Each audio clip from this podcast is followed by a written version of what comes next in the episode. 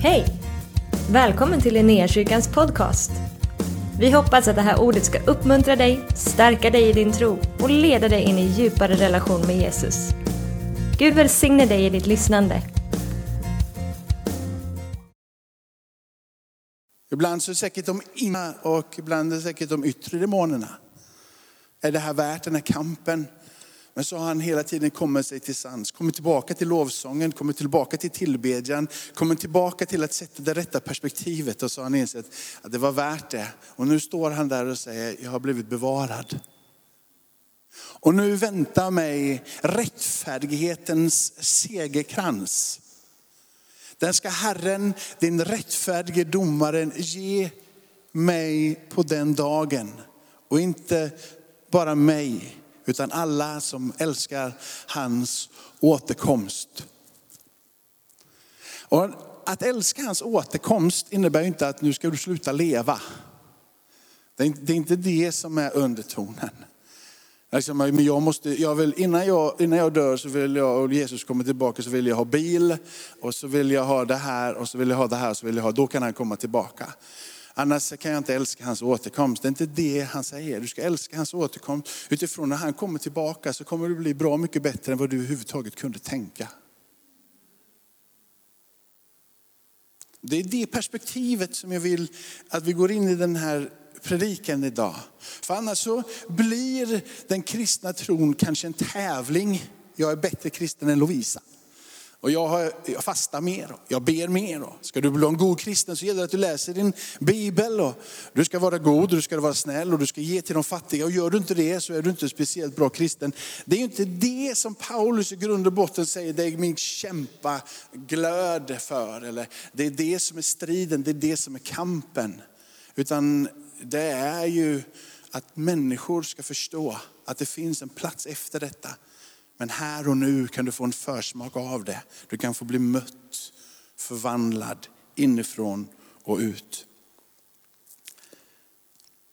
Så, nu läser vi den texten som jag tänkte inleda med. Då. Från Filipperbrevet kapitel 3.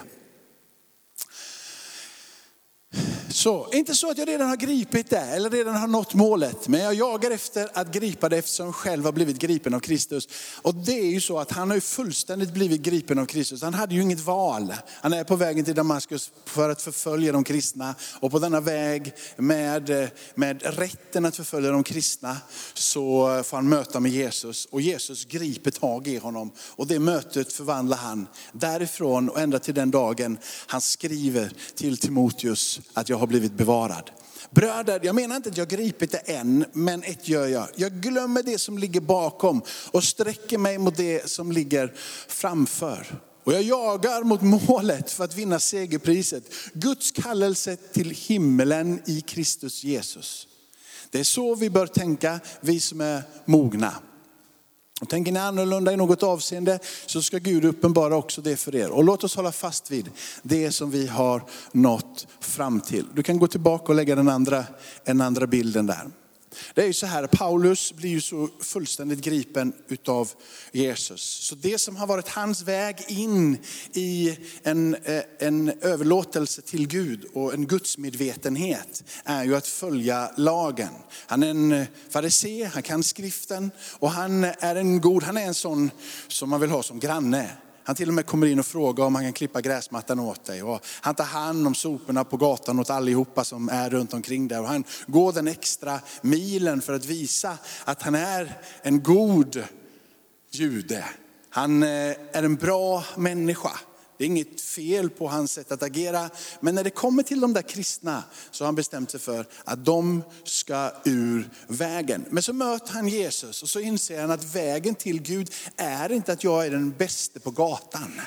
Vägen till Gud är inte att jag fastar mest. Vägen till Gud är inte att jag ber och att jag följer lagen fullt ut. Utan vägen till Gud, det livsförvandlade mötet, ligger i att möta med Jesus och begripen utav honom. Och så byter han perspektiv. Men likväl så är han den som kämpar. Eller hur? Han likväl är han den som vill växa i sin tro. Han säger att den där, i, i, i, precis innan här i Filipperbrevet 3 så pratar han om, om rättfärdighet som kommer genom, kommer genom tro, inte genom hur duktig jag är och hur mycket jag kan göra saker. Han har mött med Jesus och han förklarar att Jesus är både hans Herre, hans frälsare och att Jesus faktiskt är som allra närmast, eller någon överhuvudtaget kan vara. Han har blivit hans vän. Han inser att den Jesus som möter med honom är den Jesus som är med honom när han är uppe på bergen och känner att han är oövervinnlig. Han är den Jesus som är med honom när han är längst nere i dalen och han inte har någon kraft överhuvudtaget. Han har insett att den här Jesus är den som är den gode. Han som tar hand om honom, han som vårdar honom. Han som är det som Bibeln talar om, den gode herden. Han har insett att tillsammans med Jesus så har han blivit tagen av någonting som Bibeln presenterar som nåd. Han behöver inte göra någonting. Det har kommit till honom. Och därifrån så har hans inre hjärta öppnats. Och han kan helt nu se denna frälsning genom sonens död, uppståndelse. Och löftena i honom har blivit han givna. Han inser att den här nåden, den är så stark och den är så genomgripande, så var han än flyr från den, så kommer den att finna honom. Han inser att den här nåden kan du inte bara springa iväg ifrån, utan det är en Guds kraft till frälsning genom Jesus Kristus. Hans nåd som fångar upp. Han är ganska vilande på den platsen. Han är trygg på den platsen. Han har blivit så gripen, så betuttad, så tagen, så fångad utav Jesu Kristi kärlek. Och han vilar så på den så att han kan ge ett uttryck för det som vi läser till exempel i psalmerna och det som Jesus säger. Att det finns ingen som Gud som är så god. Det finns ingen som är som du. Det finns ingen like. Där är hans perspektiv. Och eftersom han har blivit så gripen utav denna, för jag kallar det goda kraft, så vill han ingenting annat än att kämpa för att alla ska få höra det här. Och det är därför som han utmanar de kristna. Det är därför som han utmanar här i Filipperbrevet och bara kämpa vidare. Det är värt det. Håll fast vid det. Tänk på det här med gudsfruktan. Det är ett löfte där i om liv. I det här livet och i det kommande livet. Paulus är så trygg med att hans, den levande Gudens ande, Guds ande verkar på din och min insida. Så när han börjar adressera det här brevet som är får man nästan läsa i, i det här, en pendling emellan den fullständiga förtröstan på Guds suveräna verk. En inbjudan till att växa tillsammans med honom genom att kämpa, sträva sig vidare och ta sig framåt. Till att tala ut och att säga att Jesus är den högsta, det finns ingen som är som honom. Alla tungor ska bekänna att Jesus Kristus är Herre, Gud Fadern till ära. Han talar om den rättfärdighet som kommer genom tron på denna Jesus Kristus. Och sen så pendlar han lite mellan här. Så börjar han komma mot avslutningen och så vad läste vi, det som vi läste, att han lägger det som har hänt bakom. Och vad är det han lägger bakom? Men inledningen i vers 6 i kapitel 1. Ett vers som jag personligen liksom vill ha kommit tillbaka till många gånger. Predikat många gånger ifrån. Och jag är övertygad, det finns ingen tvekan, Paulus är övertygad om att han som har börjat ett gott verk i er, han ska också fullborda det till Jesu Kristi dag. Och på ett sätt så skulle det vara massa gytt om den punkten var en punkt och så fanns det ingenting efter det. Det hade varit eh, liksom rätt gött, skönt. Alltså, nu är jag frälst, nu har han kommit. Och sen så bara han, han bara gör det på min insida. Du vet, vi säger det inifrån och ut, inte utifrån och in. Och det är en sanning. Och vi vilar i den här versen. I vår trygghet om att han inte sticker ifrån oss. Vi vilar i den här versen att han inte bara en dag rymmer ifrån våra hjärtan. Utan han är på din och min insida. Han bor där, han är där. Det är inte så att han är en sekund är där borta och sen så är han här och sen lite där borta och sen tillbaka här. Utan det som han har börjat göra på din insida, det fortsätter han att göra. Han formar dig. Han vill att du ska bli Kristus lik och han ger dig all kraft som du behöver. Alla uppenbarelser du behöver, alla insikter du behöver, all kunskap du behöver. Du behöver öppna ditt hjärta och du behöver öppna ditt sinne. Och så börjar Paulus. Liksom, den här platsen är den jag vill att du börjar ifrån. Jag vill att du börjar i det som vi har skrivit på, eh, på Instagram när det kom ut här från Linnéakyrkan. Det vill säga vila i Herren, inte från honom utan vila med honom. Det är den platsen som Paulus är. Så skriver han så här vidare i kapitel 1, från vers 27. Nu börjar du liksom, du som bara känner att det är bara nåd och jag är frälst och allting bara är härligt, jag behöver inte göra någonting. Så börjar det liksom, men du måste komma ihåg Paulus perspektiv. Vad är det han strider för? Vad är det han kämpar för? Och vad är det han vill att vi ska komma vidare in i? Se bara till att ni lever på ett sätt som är värdigt Kristi evangelium. Och där började det för någon, bara uppa. Nu har jag gjort bort mig. Det där klarar inte jag. Det där orkar inte jag. Du kanske aldrig har känt så, men jag vet att det är många som har känt så. Kanske är du helt unik och sitter här och bara känner att jag är sjukt frälst alltså. Jag är så frälsande för att gå och jag bara vet att det här blir bra. Liksom. Och du tänker så hela tiden. Men Paulus inser att det kanske inte är så enkelt. Och han har hört om situationen i Filippi. Och han adresserar, se bara till att ni lever. Så vare sig jag kommer och besöker eller inte, låt mig få höra att ni står fasta i en och samma ande, samma sinne och kämpar för tron på evangeliet. Jag tänker så här, om det var en kamp då, att det inte är mindre kamp idag. Eller tror ni att vi kommer undan? De gjorde jobbet åt oss och nu så glider vi på den berömda räkmackan. Det vore skönt. Utan på något sätt låta er skrämmas av motståndaren. Det blir för dem ett tecken på att det går förlorat, men ni blir frälsta och det är av Gud. Och så, ni har ju fått nåden att inte bara tro på Kristus, utan också lida för hans skull. Och så är det lite kvar med va? Eftersom ni har samma kamp att kämpa som ni såg att jag hade och nu hör att jag fortfarande har.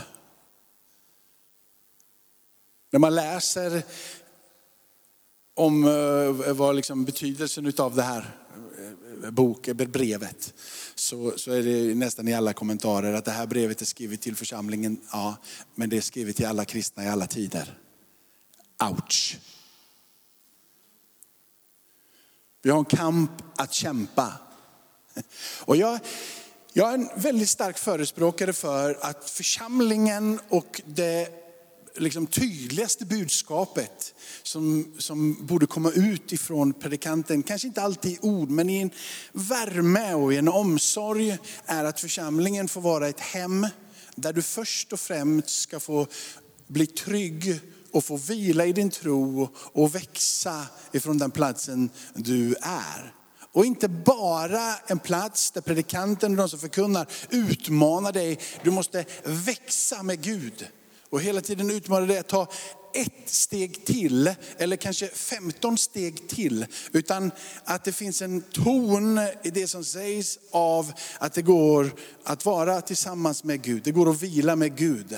Att vi kommer, för vet, idag så blir vi så utmanade på alla håll och kanter. Barnen blir utmanade i skolan under hela vägen, från det de är väldigt, väldigt små till när de slutar gymnasiet och sen har du universitet. Och de blir utmanade hela tiden. Kommer du på fotbollsträning så ska de göra det bättre och bättre och de ska vinna fler matcher. Och du köper liksom, ah, du, du ska bara bli bättre och bättre. Du hade liksom, håret ska bli finare, snyggare kläder bättre skor. Det är hela tiden en utmaning att passa in. Att, så vi behöver ju ha ett huvudbudskap av att du är, duger som du är. Du har kommit till Gud, du behöver inte ändra. Han möter dig på insidan, han förvandlar dig från insidan. Men Paulus pratar inte om att du duger som du är. Det är inte det han pratar om när han säger kämpa för din tro och strid för evangelium. Han pratar om verkligheten, att få en dag få komma tillsammans med honom. Och Gud har lagt ner ett förtroende till dig och mig att återspegla honom i den här världen. Så att alla människor ska få höra om Jesus. För han vill att alla ska bli frälsta. Här är det en kamp, säger Paulus. Och när han har utmanat på det här sättet så tror jag att han känner så här att, oj oj oj, nu då. Nu, nu, när nu läser de det här, nu är de lite trötta. Och så eh, börjar han kapitel 2 med att bara sätta blicken först på Jesus. Nu, nu, nu, är ni lite trötta, jag fattar det. Så nu, så ska, nu ska jag ge er en tröst. Och så, så talar han ut att var så som Jesus är. Eh, ha blicken fäst på honom. Han talar om att han har vunnit all han ödmjukar sig och han är nu tillbaka på sin rätta plats. Och han pratar om att denna Jesus är Herre, Gudfadern till ära. Och så får folket komma tillbaka och bara, yes, okej, okay, det är det här som är grejen. Det är härifrån vi strider. Det är härifrån vi kämpar. Att vi är på den vinnande sida så att Jesus faktiskt har vunnit en seger. Det kanske står 1-0 i halvlek men vi kommer vinna med 2-1. Och så kommer han tillbaka igen. Från kapitel 2. Alltså därför mina älskade, ni som alltid varit lydiga, inte bara när jag var hos er, utan nu mer när jag inte är hos er. Arbeta med fruktan och bävan på er frälsning. är kraften ut igen. Eller, men nu ska vi, ja, det är leka jojo med oss. Känslolivet går liksom nu bara, nu är jag en övervinnare, segrare, nu tar jag mig igenom allting. Och sen så bara, nu, den där, den där frälsningen Eh, han arbetar på din insida, han formar dig och så säger han, men du behöver ta ett steg själv. Arbeta med fruktan och bävan på er förändring. För det är Gud, säger han sen, som verkar i er i både vilja och gärning. För hans goda vilja ska ske. Det är nästan, får man känslan som om att han, han trycker hårt i vers 12. För att inte mjuka upp vad han har sagt i vers 12. Men för att låta dig komma tillbaka till Gud som du ska ge utrymme på din insida.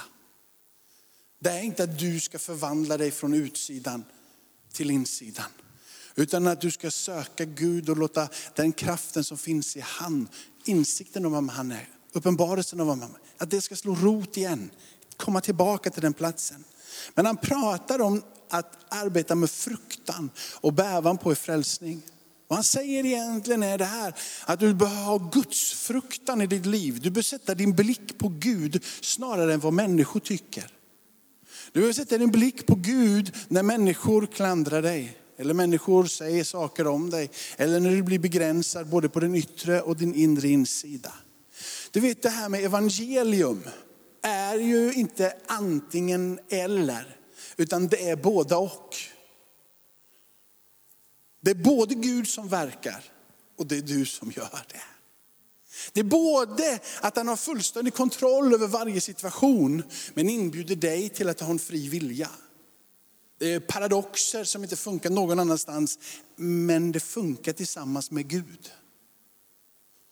Han håller sin värld, inte i ett grepp, utan i sin famn.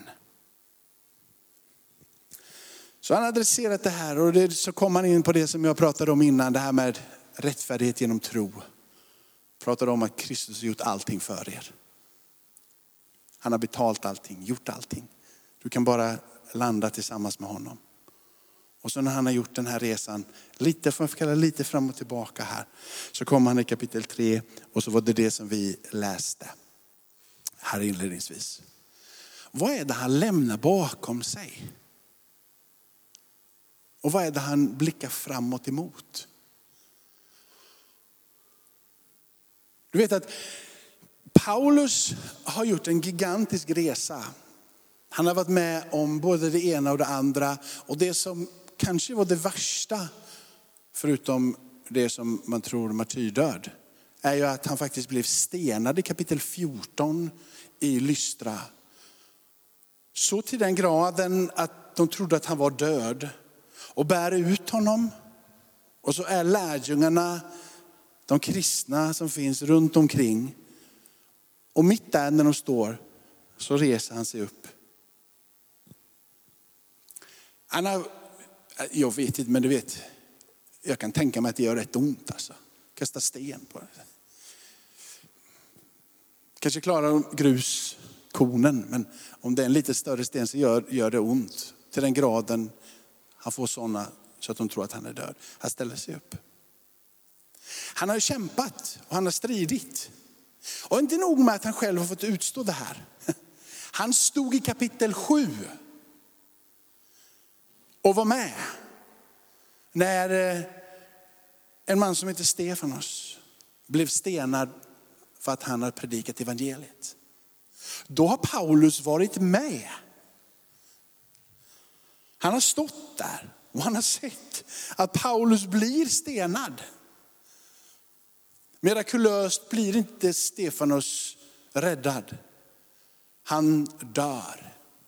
Och när han dör så har han blicken fäst på Kristus. Du får läsa det sen när du kommer hem, kapitel 7. Men för att göra en kort summering så står det att han hade blicken fäst på Kristus. Paulus har stått stilla när någon har blivit stenad. Han har blivit stenad själv. Jag tror Paulus skulle kunna adressera alla oss här inne och säga om du har gjort någonting dåligt, jag har gjort det mer ja, men du har inte varit så korrupt som jag. Det har jag, säger Paulus.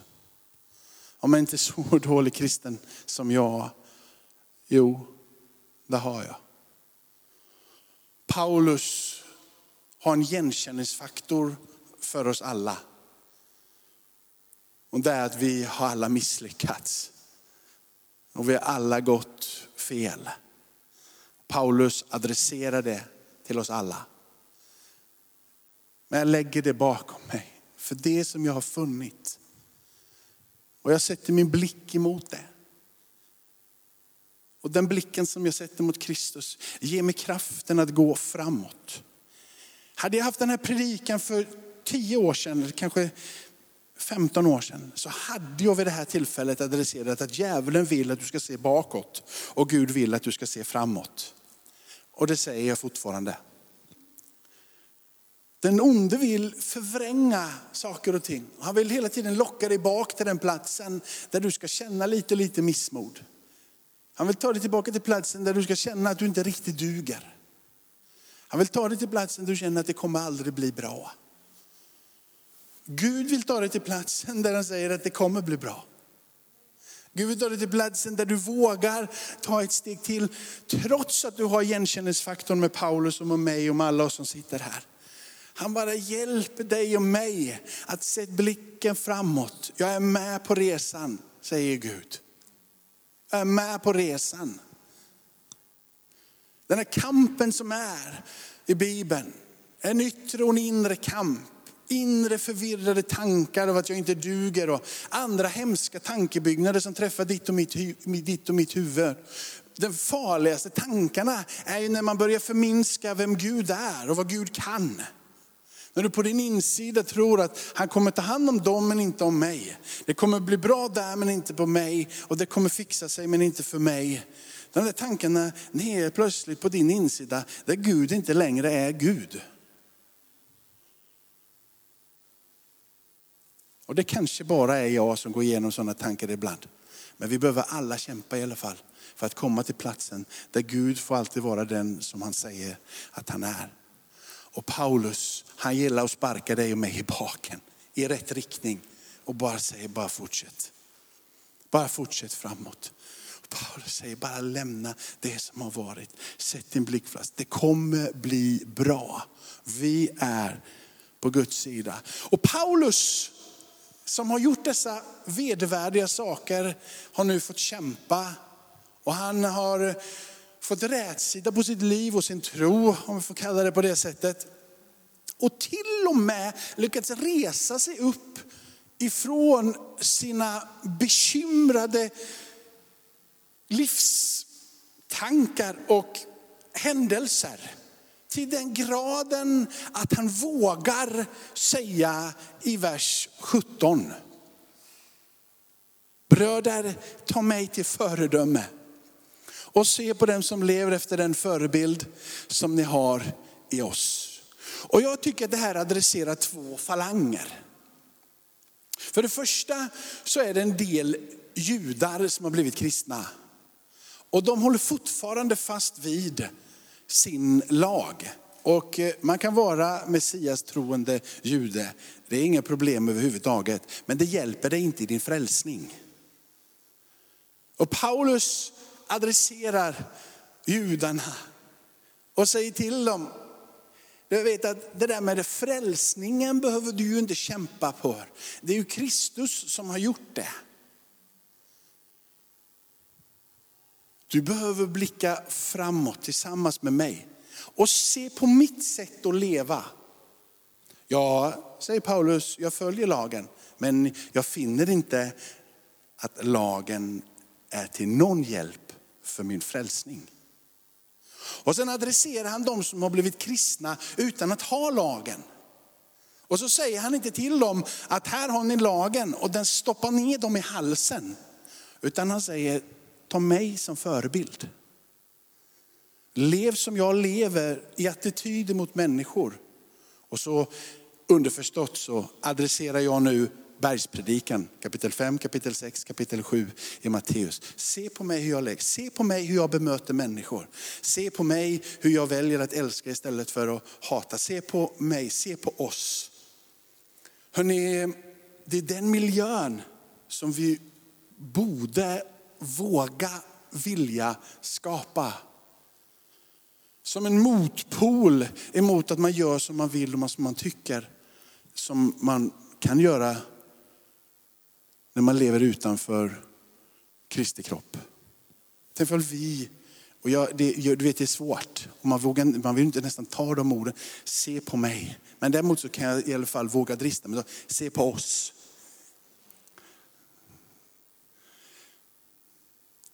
Hur vi vill ta hand om varandra i alla fall. Eller hur vi försöker ta hand om varandra i alla fall. Eller hur vi vill älska varandra, även om det är svårt ibland se på oss hur vi vill. Vi vill. Och kanske kan vi smitta av oss med den attityden och vara frimodiga i, det här vill vi. Vi vill leva så som Jesus levde. Vi kanske inte alltid lyckas, men jag gör som Paulus då. Jag lämnar det bakom mig och så blickar jag framåt för det kommer bli bra tillsammans med honom.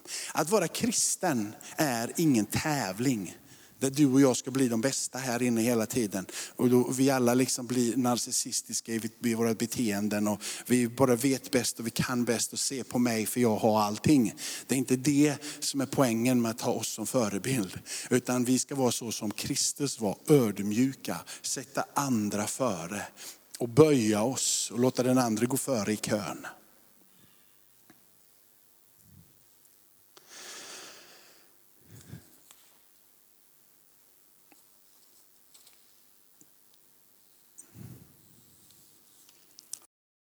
Tack för att du har varit med oss. Hoppas du känner dig inspirerad av Guds ord och har fått nya perspektiv. Hör gärna av dig till oss och berätta om Gud har rört vid dig på något sätt. Vi är så glada att få höra vittnesbörd om vad Gud gör. Du kan mejla oss på adressen info Och dit kan du även mejla om du har ett böneämne som du önskar att vi ber för. Eller om du har tagit emot Jesus och inte har någon bibel så vill vi mer än gärna skicka en bibel till dig. Skicka ett mejl med ditt namn och dina adressuppgifter till info.linneahuset.se så ser vi till att du får en. Om du vill ge en gåva till Linnéakyrkans arbete för att nå fler människor med evangelium så kan du swisha till 123 520 0993. Du kan också besöka oss på linneakyrkan.se för att få mer information. Välkommen tillbaka att lyssna snart igen.